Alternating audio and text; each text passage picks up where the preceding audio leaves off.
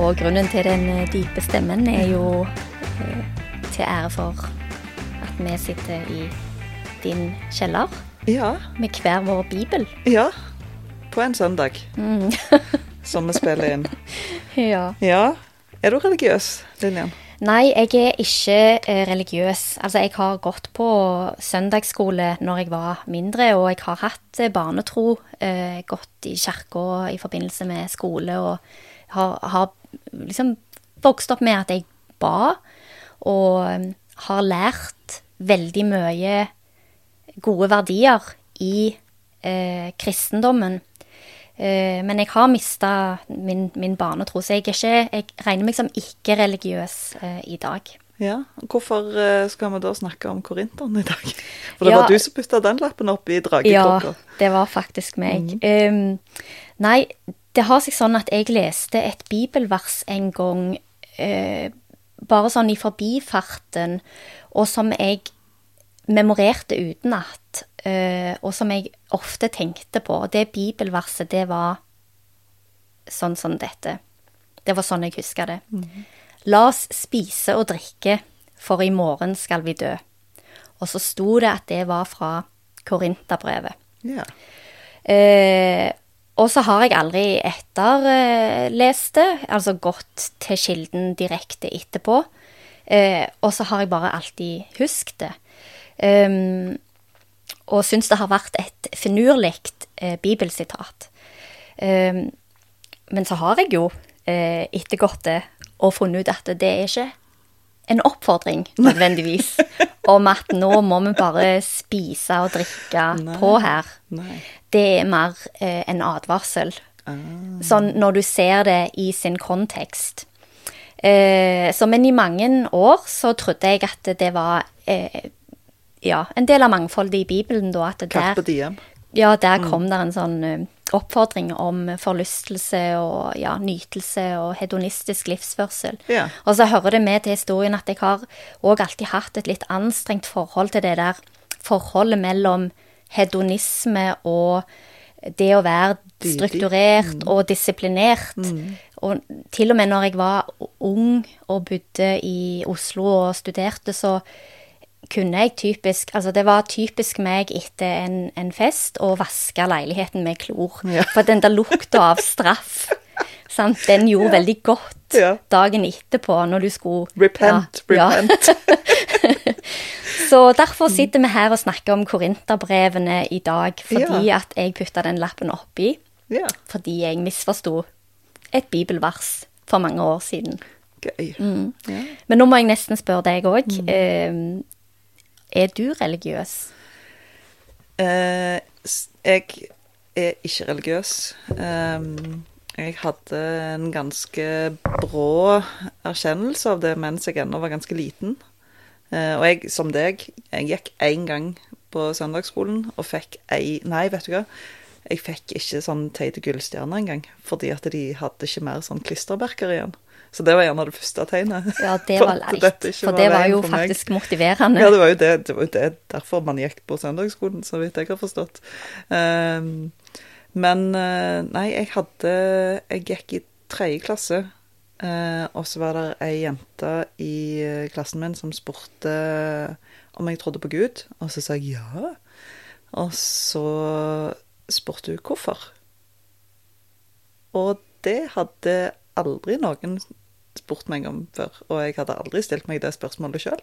Så når jeg for første gang skulle tenke etter hvorfor tror jeg på Gud, så ble svaret at jeg tror ikke på Gud. Og det har eh, vært svaret siden. Men du er døypt og Nei, jeg er ikke døypt. Nei, du er ikke døypt. Nei, jeg er ikke og- konfirmert. Nei. Nei. Nei, jeg er både døypt og konfirmert. Ja. Mm, og jeg meldte meg ut av statskirka i voksen alder. Ah, ja. ja. Nei, jeg har vært hedning før jeg ble født. Ja. Mm. Men ja, hedning, det er jo eh, et ord som ble brukt om uh, alle som ikke fulgte Det gamle testamentet, altså den Ja. jødiske eh, tradisjonen. Mm.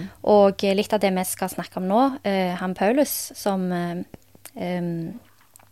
har eh, skrevet dette, disse korinterbrevene, han, eh, han ja, Han er skriver i Korinterbrevene at han, var jø han oppførte seg som en jøde når han snakket til jøder. Han oppførte seg som en hedning når han snakket til hedninger. Han oppførte seg som eh, en eh, greker når han snakket til grekerne. Ja. Så det er jo, det er jo litt interessant. ja. Og hedning, det var liksom alle andre. Og så sier han samtidig andre. at han ikke er manipulerende. Men det var interessant at Ja. han sa eh, Altså, grekere er liksom en egen Mm. kategori, da. Mm. Eh, og vi er jo vant med at eh, jøder som følger Det gamle testamentet, Mm. har vært eh, sin egen kategori. Men jeg trodde at grekere falt inn under hedninger. Mm. Mm. Men tydeligvis ikke. Men det var nok en, en distinksjon der. Men, Mm. eh, men eh, nei, så selv om jeg ikke er religiøs, så har jeg da altså i dag på en søndag sittet og lest Bibelen. Mm. Så det burde jo gi meg ei lita gullstjerne, det, hos, Ja. eh, på søndagsskolen. Ja, du skal få stjerne av meg etterpå. Ja, det er godt. Mm. Men det er faktisk ganske interessant å lese i Bibelen. Altså, nå har jeg òg lest hele første og andre Korinterbrevet, og det, det er en fascinerende, det er en fascinerende bok, eller bøker. Mm. Ja, for det er jo bøker i Ja. biblioteket som er Bibelen. Ja, det Ja. er det. Det er eh, ganske omfattende et ganske omfattende bibliotek. Det var 46 bøker totalt, bestående av da Det gamle testamentet og Det nye testamentet, hvorav det er 39 bøker i det gamle og 27 bøker i det nye. Og dette brevet, eller disse brevene, første og andre korinterbrev, som vi har konsentrert oss om i dag, det er eh, brev forfatta av en apostel som heter Paulus, som reiste mye rundt. Altså, han var jo på en måte en sånn reisende onkel Mac. Ja. En Datidens. Han Ja. levde rundt år uh, Han ble vel født rundt år null, Mm. og så reiste mye rundt og eh, Når han var Spredde det gode budskap. Ja. Så han har skrevet fy 13 av eh, bøkene i Bibelen. Han er hovedforfatter. Mm. Mm.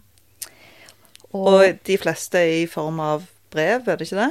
jo, Jo. brev som han eh, skrev sjøl, men som han nok òg dikterte, og andre skrev for han. Så han skrev til de ulike menighetene som han oppretta rundt omkring. Og han var ganske mange plasser. Jeg har et kart foran meg her der det står noen av de stedene han drog til. Og han var i eh, blant annet i Tyrkia, i Efesos. Da skrev han det første korinterbrevet. Og så reiste han til Han var i Makedonia flere ganger. Der skrev han brev til flere av menighetene rundt omkring, annet andre korinterbrev. Og så skrev han òg til Titus og til Timoteus. Og så var han jo i Korint, og når han var der, så skrev han til romerne og til Tesso, Tessaloniker. Tessalonikerne. Eh, og han var i uh, Antiokia. I um, Ja, han var, var rundt omkring ganske mange plasser. Han gikk veldig mye I når det som reiste. da var Romerriket. Yes. Og han hadde romersk statsborgerskap, men han var sjøl fra uh, Tyrkia, så vidt jeg har forstått, og snakket gresk og hebraisk. Han var jøde og fikk en jødisk eh, oppdragelse sjøl. Ja. Så han høres jo ut som en veldig spennende type som eh, fikk oppleve eh, mye da, gjennom at han, han reiste. En annen ting som jeg syns er veldig spennende med han Paulus som har skrevet disse brevene, er at han var først en forfølger av de som eh, fulgte Jesus, men så ble han omvendt til å ja, da bli en som forkynte eh, og oppretta menigheter i Jesu navn istedenfor. Så han har òg en omvendelse, eller en, et skifte. Han har sjøl sett lyset, Ja, det, som, som man sier. Men, Han- eh, men han eh, det var som skjell falt for øynene hans. Sånn Ja. tror jeg han formulerer det. Ja. Eh, men eh, han skrev to brev til eh, denne menigheten i Korint. Og det første brevet det bærer jo preg av at det, altså de, det er jo svar på, eh, på spørsmål eller eh, på brev som han har fått, eller ting han har fått høre om hvordan det står til i denne menigheten etter at den ble, eh, ble grunnlagt. Eh, og de eh, de er jo som barn, disse i Korintermenigheten. De, de vet ikke så mye ennå om hvordan de skal drive og være kristne. Nei, det blir blanda òg dette med moselovene. Sånn, må de følge moseloven? Ja. Må de være omskjært? Altså, det er mange ting som de ikke har klart for seg. Og vi må ikke glemme at det var jo Kristendommen var jo veldig liten på den Ja, ja, ja. tida. Det er utrolig fascinerende. Det var sånn, bare de, ja. det var jo bare de få menighetene som var litt sånn spredt rundt forbi. Mm. Ehm, men ja, de lurer på mange ting, og de lurer Og jeg får sånn følelsen av at de spør sånn Ja, men kan, vi, kan vi bare gjøre dette sånn som vi gjorde det før, eller kan vi Mm. eh, og, så, og så må Paulus forklare at nei, dette har dere ikke lov til lenger, eller Han sier vel egentlig at eh, det er ikke hva dere har lov til og ikke, det er liksom hva, hva dere bør gjør. Sånn at det første korinterbrev handler veldig mye om liksom sånn som dette er det å være kristen. Og ja, sånn, og han sånn er ganske formanende òg i det første Mm. Korinterbrevet. Altså, han sier dere får ikke lov til det, og dere skal gjøre sånn. Og, altså, han er egentlig ganske tydelig på hva Mm. han krever av dem. Jeg føler òg at han er mer myndig i Mm. første korinterbrev. Sant? For det når du ser på da det andre, som du kan fortelle mer om rett etterpå, Ja. eh, så um, eh, så har han eh, Det virker som han har mer makt eh, i posisjonen han snakker ut ifra. Det er iallfall sånn jeg leser det første Korinterbrevet, at det her vet han at han vil bli hørt på. Ja. Men så han, viser han jo òg at han er bekymra fordi at det er splittelse i denne menigheten. De, er, de krangler litt om hvordan ting skal være, og om de har forstått det rett, og om de skal høre på den apostelen eller den apostelen. Um, og de har eh, Ja, så de, de er litt sånn uh, forvirra, og de har mange ting uh, som, som de trenger hjelp med. Og han eh, sier um, I disse her formaningene så handler det jo om alt ifra hvordan de må slutte å bedrive hor og, og, og eh, den slags, og, men òg det med Som jo er en sånn interessant etterlevning, eller en sånn ting som finnes ennå i den eh, katolske kirka, i hvert fall, og jeg tipper i den gresk-ortodokse òg, det med hodeplagg i kirka. Eh, at eh, For der står det i, eh, i Paulusbrevet at menn skal ikke ha hodeplagg, eh, mens kvinner skal ha hodeplagg når de er eh, foran Gud. Eh, og det er fortsatt sånn at hvis man er bare sånn på besøk og går som turist i ei katolske kirke, så må menn ta av seg på hodet. Men kvinner har lov å ha, seg, ha på seg på hodet, men de er ikke nødt til å ha tildekka hode. Men de må ha tildekka skuldre. Å ja, nå i den Mm, katolske nå i dag. Ja, ja for det, jeg, nå fant jeg det sitatet som handler om det der med, med hodeplagg, eh, som går under kapittel Eller under da, det temaet 'Kvinnen i menigheten'. Der står det en mann Skal vi se En mann som ber eller taler profetisk med noe på hodet, fører skam over sitt hode, men en kvinne fører skam over sitt hode når hun ber eller taler profetisk uten å ha noe på hodet. Så det Ja. Det er liksom det omvendt, da. Ja. Den ene må ha noe på hodet, den andre kan ikke. Nei. For da er det skam. Og det er akkurat det samme med håret. Kvinner skal ha langt hår, for det har de sin ære i. Det er som et slør. Og menn skal ha kort hår, for det er eh, det som er riktig. Her refererer han jo òg til på en måte Det er vel den første Det første som står i Det gamle testamentet. Men kvinnen er mannens ære, for mannen ble ikke til av kvinnen, men kvinnen av mannen. Mannen ble heller ikke skapt for kvinnens skyld, men kvinnen for mannen. Derfor må kvinnen for englenes skyld ha noe på hodet som et myndighetstegn. Det gir jo ikke mening helt med dagens, dagens briller. Nei, sant? det gjør jo ikke det. Og, og, og nå, altså Nå har jeg lest eh, hele eh, Korinterbrevet, og der er jo òg noen fine ting her. For eksempel eh, eh, det han sier om eh, Ja, du var jo inne på dette med kjærlighet, men det han òg sier om hvordan du skal snakke i menigheten Han er jo ikke noe begeistra for å tale i tunger.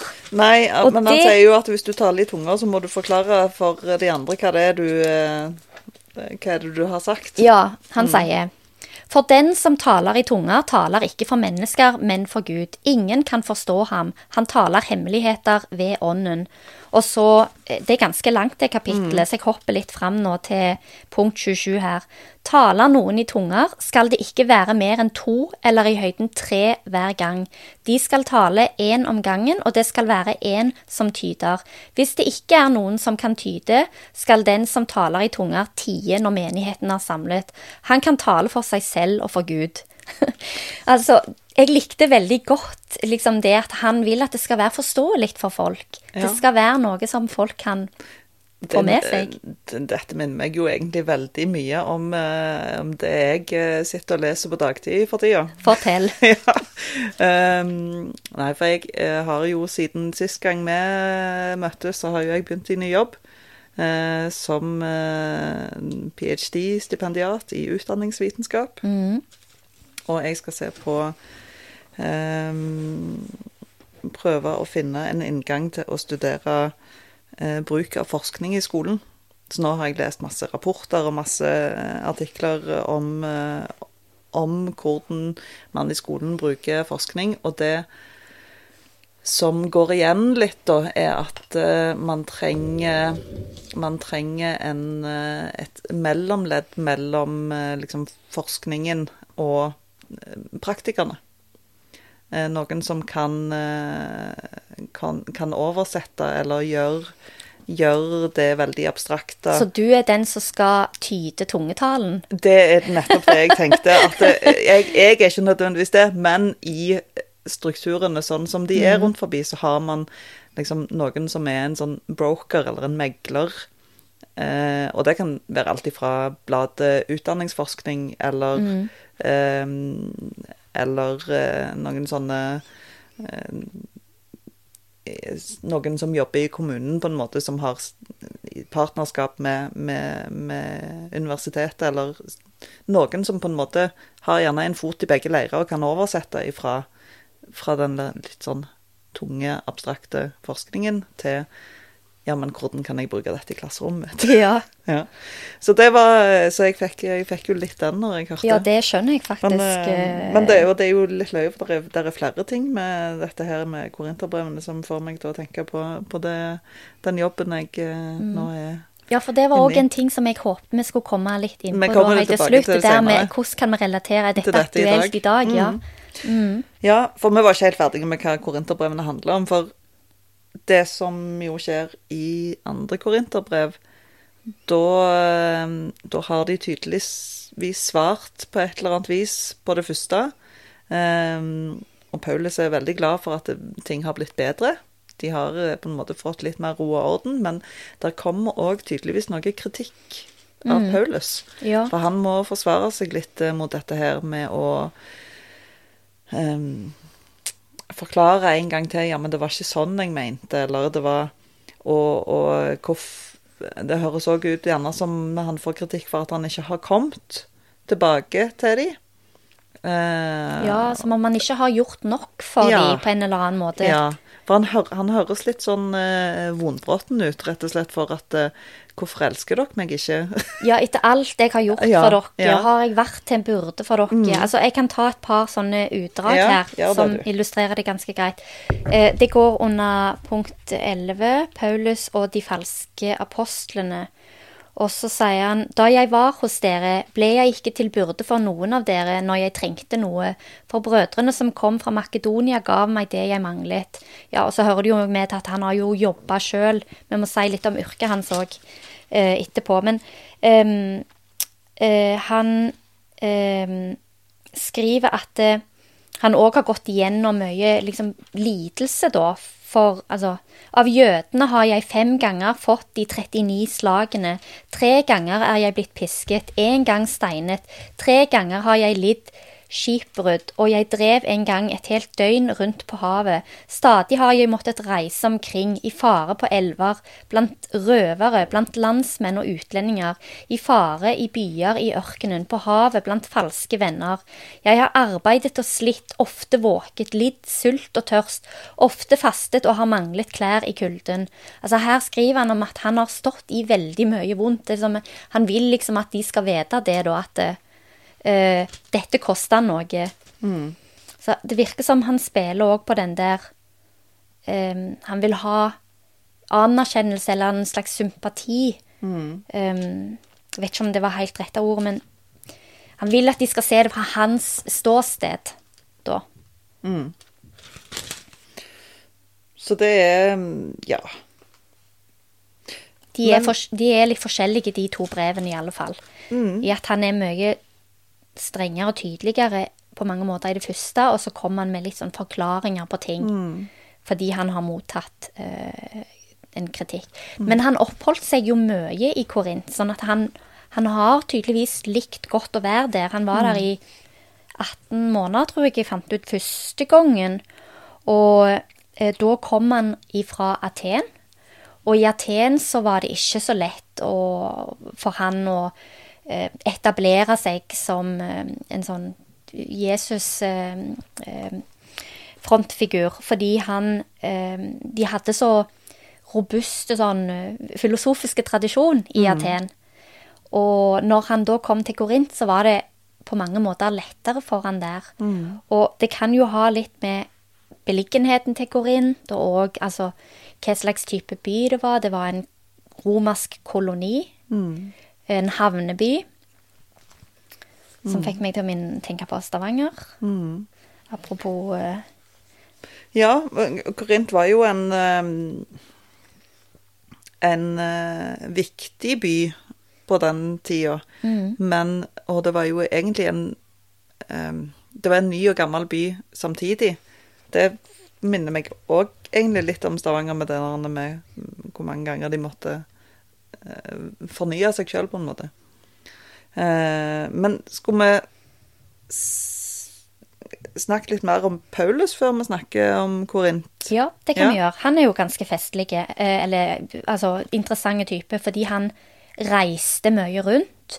Og eh, virka som han kom inn med veldig mange ulike eh, samfunnslag. Men han var godt utdanna sjøl. Han var en tenkende, talende, lesende, skrivende og arbeidende mann som var viktig for forkynnelsen av Jesus. Og han ble oppdratt sjøl i sånn jødiske lover og tro. Han tilhørte delen av befolkningen som fikk ta del i samfunnsutviklingen, virker det jo som. Um, for han fikk opplæring i retorikk og en- slags utdannelse. Han hadde òg et yrke. Han var telt... eh, han lagde telt. Han Ja, sydde telt. teltmaker. Eh, og det er òg interessant med det yrket. Altså, det, det var et yrke han kunne utøve mens han var Altså mens han snakket. Litt sånn skravleyrke.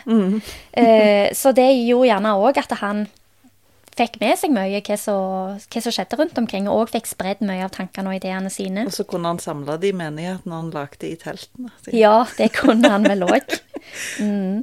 Du får litt sånn, for det, det er jo sånn, eh, sånne mindre altså sånn leirer og sånn som, som gjerne litt sånne særere eh, sekter og menigheter i USA har, så er det jo liksom disse teltene som man Ja, ja, ja, sant. mm, bruker som kirkebygg. Ja, det, det har jeg ikke tenkt på, men det er jo Og så samler de innenfor noen sånne eh, tynne vegger som eh, Som Ja, det er sant. Nei, han øh, jobbet Han, han forsørga seg jo sjøl da. Uh, altså Det òg kommer fram at det, han var ikke sånn som bare reiste rundt og ble verta opp og, og fikk, men han kunne òg uh, sørge for uh, livets opphold sjøl, fordi dette var et yrke han kunne utføre overalt. Men han var en eh, Han var en av de som eh, forfulgte de tidlige, tidlige kristne. Mm. Eh, men så ble han omvendt. Eh, Ja, han var med på en sånn steining. Jeg vet ikke om han steina, men han var med på en steining av en forkynner som eh, heter Ste Steven. Steven på engelsk. Ja, jeg ja, uansett. Han var med på noen kjipe ting, i alle fall. Forfølgelse.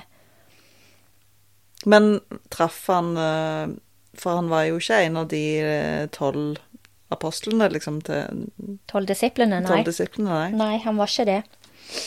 Han var ehm, apostelen Paulus. Nei, han var en Jeg vet ikke engang om de møttes. Nei. Ehm, De kan, de kan teoretisk sett ha gjort det pga. at de levde samtidig, ja. men uh... ja, for han levde rundt Altså, han ble født rundt år null, og så levde han da til han ble uh, Han ble han ble vel drept til slutt. Mm. Martyrdøden. Han ble satt i fangenskap i, i Roma eh, på slutten av eh, livet, da. Jeg vet ikke hvor gammel han var da. 60, kanskje. Så han levde jo ei stund. Og han var mm, Han virker jo litt kontrollfrik, har jeg inntrykk av, men det kan jeg jo ikke egentlig. Har vel gjerne ikke helt belegg, men det er litt i måten han skriver til korintene på. Nå hører det med til historien at jeg har ikke lest de andre brevene hans. Sant? Og det er klart, det ville jo sett det litt mer i sammenheng, at vi ville fått mer inntrykk av hva slags eh, type han var. Men det at eh, brevene hans de er jo skrevne for et kollektiv, altså at de skal leses opp eller bli lest av mange. mm, Så hans, hans, han, taler til et fellesskap. Ja, og fellesskapet i Korint tenker jo jeg at må ha kanskje vært prega av eh, historien til byen Korint. Eh, for den har en lang, lang historie. Ja, kanskje du sier litt om det? Ja, det var i eh, eh, I det som eh, da var en, en ganske stor by, så, så har så har det skjedd ganske mye i historien allerede på den tida. Eh, det var bosetninger der allerede i steinalderen. Eh, men eh, i 4000 år så er det spor ifra fra 6000 til 2000 før Kristus. Men så er det eh, Så vet man at byen på et eller annet vis ble ødelagt da i eh, ca. 2000 før Kristus. Og dette skjer egentlig mange ganger. De blir eh, angrepet av eh, eh, forskjellige eh, forskjellige folk og kommer under forskjellig herredømme, men de, eh, de er òg en egen bystat eh, i, eh, i det antikke Hellas, eh, med ganske stor innflytelse og med eh, mye rikdom. Eh, det et, eh, var et ordtak som var at eh, Ja, hvordan var det det gikk? Eh, som handla noe om, om det med hvor Hvor rike folk som bodde der, var. Eh, ikke alle kan dra til Korint, Ja. var det. Mm. Så det var jo eh, kun for de som, eh, som hadde råd til det, da. Og det var jo til og med sånn at de eh, eh, Tempelet sine sine eh, prostituerte. For det var der i tempelet. ja. Selvfølgelig. De, var, de hadde eh, visst ekstraordinære evner og tok høye betalinger eh, for, Sånn var for sine tjenester. Sånn var det der. Eh, og det var jo eh, Da minner det ikke så mye om Stavanger. Nja Det var vel litt sånn eh, eh, Ikke litt sånn Det er et sånn film, 'Rottenetter', som handler om eh, finansmiljø og stripper og noe sånt. Så jeg. Men jeg har aldri fått sett den. Jeg har veldig lyst til den. Eh, men de eh, eh, Der er i hvert fall Det er en by som har vært igjennom mange, mange og store endringer. Eh, Ulike styrer. ulike styrer, og de har hatt Men de har på en måte hatt masse innflytelse. Altså, eh, den korintiske søylen er jo en av de tre på en måte klassiske greske søylene. Der, er den joniske, den doriske og den korintiske. Ja. Sånn at eh, de eh, Det var, det var en, en viktig by i eh, mange epoker, egentlig, i, i historien. Mm. Så jeg har jo tenkt litt òg at disse folka i Korint som eh, møtte så mange impulser og fikk så mye inntrykk fra alle verdens hjørner, eh, kanskje òg var litt reformtrøtte når Paulus kom til dem. Ja, kanskje det. Eller kanskje de trengte liksom at noen bare sa sånn Nei, nå skal du gjøre sånn, og Ja. du skal gjøre sånn. Være litt sånn tydelig Ja. i at det bare følg Jesus, og så ja. Men hvordan skal vi følge Jesus? Kan vi bare gjøre det sånn som vi gjorde før? Ja. Litt stress å sette seg inn i alle disse nye reglene. Ja. Nå har vi jo hatt symposium her i veldig lange tider og sånn, og du kommer med alt av Ja, vinen og sånn, og Ja, hva var symposium for noe? Ja, nei, det var jo litt interessant, fordi at eh, når han Paul... Oi, jeg må bare se på den jukselappen min. Når Paulus kom eh, til Korint, så kom han jo rett ifra Aten. Og ja, jeg sa gjerne det at det var liksom vanskelig for han i, i Aten å, å etablere seg der, mens i, i, at, i Korint så um, så var folk mer mottagelige. Men, men den der greske tradisjonen med å ha symposium, som er jo et slags ete- og drikkegilde eh, med filosofi Ah, På engelsk 'drinking party with philosophy'. Ja. eh, det var noe som var så innarbeida i kulturen at når han kom med nattverd, sant, at du skulle ta til deg brød og vin som var det Jesu blod og legeme, det skulle jo skje i beskjedne former, så eh, var det jo ikke det han opplevde at de gjorde. De, de fortsatte jo med sine drinking parties. Og det har jeg òg funnet bibelsitatet på, faktisk, så det kan jeg òg lese, for det er jo litt festlig.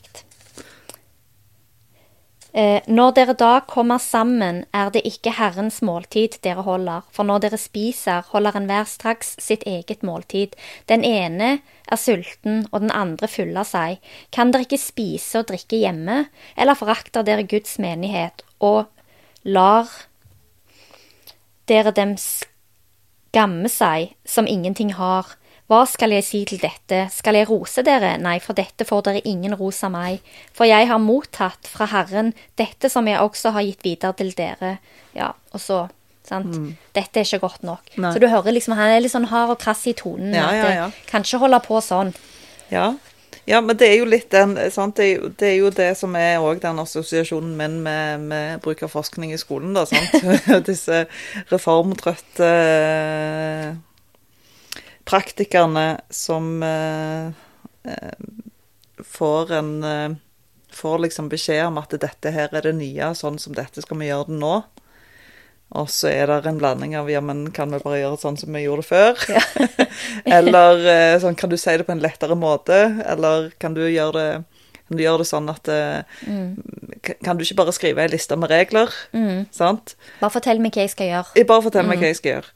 Og det, og det syns jeg jo er litt interessant, for det at da um, Apostlene Uh, har jo det som uh, man snakker om som en sånn broker-rolle, da, sant? Altså fordi de, de sitter med visdommen og kunnskapen om hvordan eh, denne her troen skal utøves, eh, og hvordan menighetene skal leve sine liv. Eh, men de må, eh, de må hjelpe menighetene å forstå det på en, en grei måte. Og det- Høres ut som mangler litt sånn tydelig ledelse her. ja, og lederskap er viktig òg i dette. Eh, så han, Paulus og de andre apostlene må jo ha vært noen som har klart å Altså helt tydelig, siden eh, de nå har, de, de grunnla verdens største religion, så var det jo Må de jo ha hatt noen lederegenskaper som eh, eh, Som var viktige. Mm. Bare plutselig så for meg hvordan det ville vært for Paulus liksom, hvis han hadde levd sånn i denne tida med AI og Mm. kunne hatt sånne, sånne monitoreringer rundt omkring i alle menighetene. Overvåkt. Ja, litt sånn 1984. Ja, ja, ja, ja, ja. Der ser deg uansett. Ja. Det kunne blitt en helt annen Da hadde det blitt en eh, helt annen bibel, faktisk. Han hadde nok det. Mm. Men eh, du sa at du assosierte litt til Stavanger tidligere. Ja, det gjorde jeg. Eh, fordi at når han skriver da eh, Altså, det òg var interessant, fordi det var Jeg så på tre eh, sånn eh, De var sikkert religiøse da, som satt og snakket om eh, Korint og korinterne, og at det var et verb to corintiate, og at det da ble forbundet med å være eh, Ja, gjøre syndige ting. Um, og eh, Korintia eh, eh, sett denne beliggenheten, at det ligger med kysten, og at det er et handelssted, at det er veldig mye som skjer der, og at de òg har fått rundt år null en del sånn ny, eh, ny rikdom, nye muligheter. Eh, disse romerne har jo bygd òg en sånn kanal som går mellom eh, det joniske hav og eh, Egeahavet, sånn at det, det er ganske Altså, de kan kontrollere mye av handelen som går eh, imellom disse havene. Så ja, så det er en rik plass. Og da fikk det meg til å tenke på Stavanger, fordi at eh, vi òg har jo vært litt sånn Blitt nyrike, sant. Um, og mm, det har skjedd uh, eh, mye på korte tid eh, som har endra eh, hvordan man forholder seg til kristendommen, da. Altså, og han Paulus er jo bekymra for at de eh, korinterne ikke er strenge nok kristne. Sant? Og vi så jo veldig det når olja Olja kom, at det, da gikk eh, menighetstallene ned. Så det kan selvfølgelig henge sammen med en haug med andre ting òg. Det er ikke bare sånn det ene fører til det neste. Men uh, Det ble servert alkohol, og det var, kom folk utenifra. Og, ja, det var mer impulser utenifra. Det var et helt annet liv. Det samme kan du jo se på Jæren. sant? Når du fikk Jærbanen, så kom sør, da var de jo veldig bekymra for hva som skulle komme av impulser langs jernbanen Ja. til Jæren, til Bryne osv. Ja. Men det er jo eh, Det var um, en um, eh, Jeg tenkte noe til Jo, for det, Stavanger har jo òg på en måte hatt disse her endringene med Først så levde de av sild, og så hermetikken, og så eh, Og så var det veldig sånn nedgangstider imellom. Så det òg er jo litt sånn at det er en sånn Nesten sånn fugl føniks-greie som har skjedd mange ganger, både i Korint og i, uh, i uh, Stavanger. Og jeg, når jeg satt eh, Det går ikke an å se siden vi snakker, men vi sitter her i, mellom en svær svære bokstabel som jeg har rydda i. Eh, og når jeg rydda ned de bøkene, så fant jeg ei bok med sånne gamle Stavanger-historier. Å, festlig. Og der var det en historie som jeg jeg satt, jeg leste, og så satt jeg her og grein etterpå, som var så fine, om en eh, som jeg tror heter, De kalte han Drukken-Ola, eller et Jeg husker ikke helt navnet, men det var i hvert fall da en som, som, eh, som drakk og var en litt sånn byoriginale som hadde Eh, han hadde en hest, og hesten eh, mente de at var smartere enn han. hesten tok han med til der som han fikk drammen sin, da, og så Uh, Og dette her var jo på seilskutetida, liksom, i ja, si- sildatida til Stavanger. Og, og fikk han trygt hjem igjennom eh, på kvelden. Eh, og så var det en eh, Så sto det òg at han hadde én venn som snakket med han. Og han her vennen hadde en gang gitt han eh, Gitt han fine klær så han kunne gå i kirka på en søndag. Eh, og så hadde han vennen truffet han da etter, etter han hadde vært i kirka, og så hadde han eh, Ola eh, Eller hva det var han heter. Han hadde sagt at For han hadde blitt spurt om ja, hvordan var det da, hvordan gikk det? Og så hadde han sagt at jammen tror jeg ikke at Gud elsker meg òg. og da ble jeg eh, Da fikk jeg litt tårer. Og det var jo litt det For det er jo det Det er jo òg eh, fra Korinterbrevet det mest brukte bibelsitatet sikkert noen gang. Mm. Eh, så står de der. Eh, tro, håp og kjærlighet. Og størst av alt er blåhvalen. Ja, det Nei, Var det, det- geriljabroderiet ditt? Ja, det var geriljabroderiet jeg har lyst på. Men eh, størst, av alt er kjærligheten. Ja, for det er jo fine, eh, fine verdier som eh, ligger til grunn. Og så kan man selvfølgelig med dagens blikk se på hva han Altså kjenne at det, strider litt i, i ryggraden når du leser det han skriver om kvinnene, og at han er, kan virke litt fordømmende og sånn, men, men det er det er, det er mye fin, fin lesning òg. Jeg må si jeg likte veldig godt å lese korinterbrevene. Og... Ja, det var, det, var, det, det var, egentlig overraskende interessant. Jeg fikk jo litt panikk når jeg betraktet den lappen. Men vi, vi skal jo eh, Altså apropos Blåhvalen, som er størst, og så har vi jo allerede trukket tema for neste gang, eller det vil si, våre døtre trakk jo begge disse temaene. Mm. Eh, og neste gang så skal vi snakke om eh, genredigering, og da fikk du litt panikk. Ja, det gjorde ja. jeg. Så nå får hjem og lese litt nå, da. Det får vi sørge for, og så snakkes vi da. Ja. Ha det. Ha det.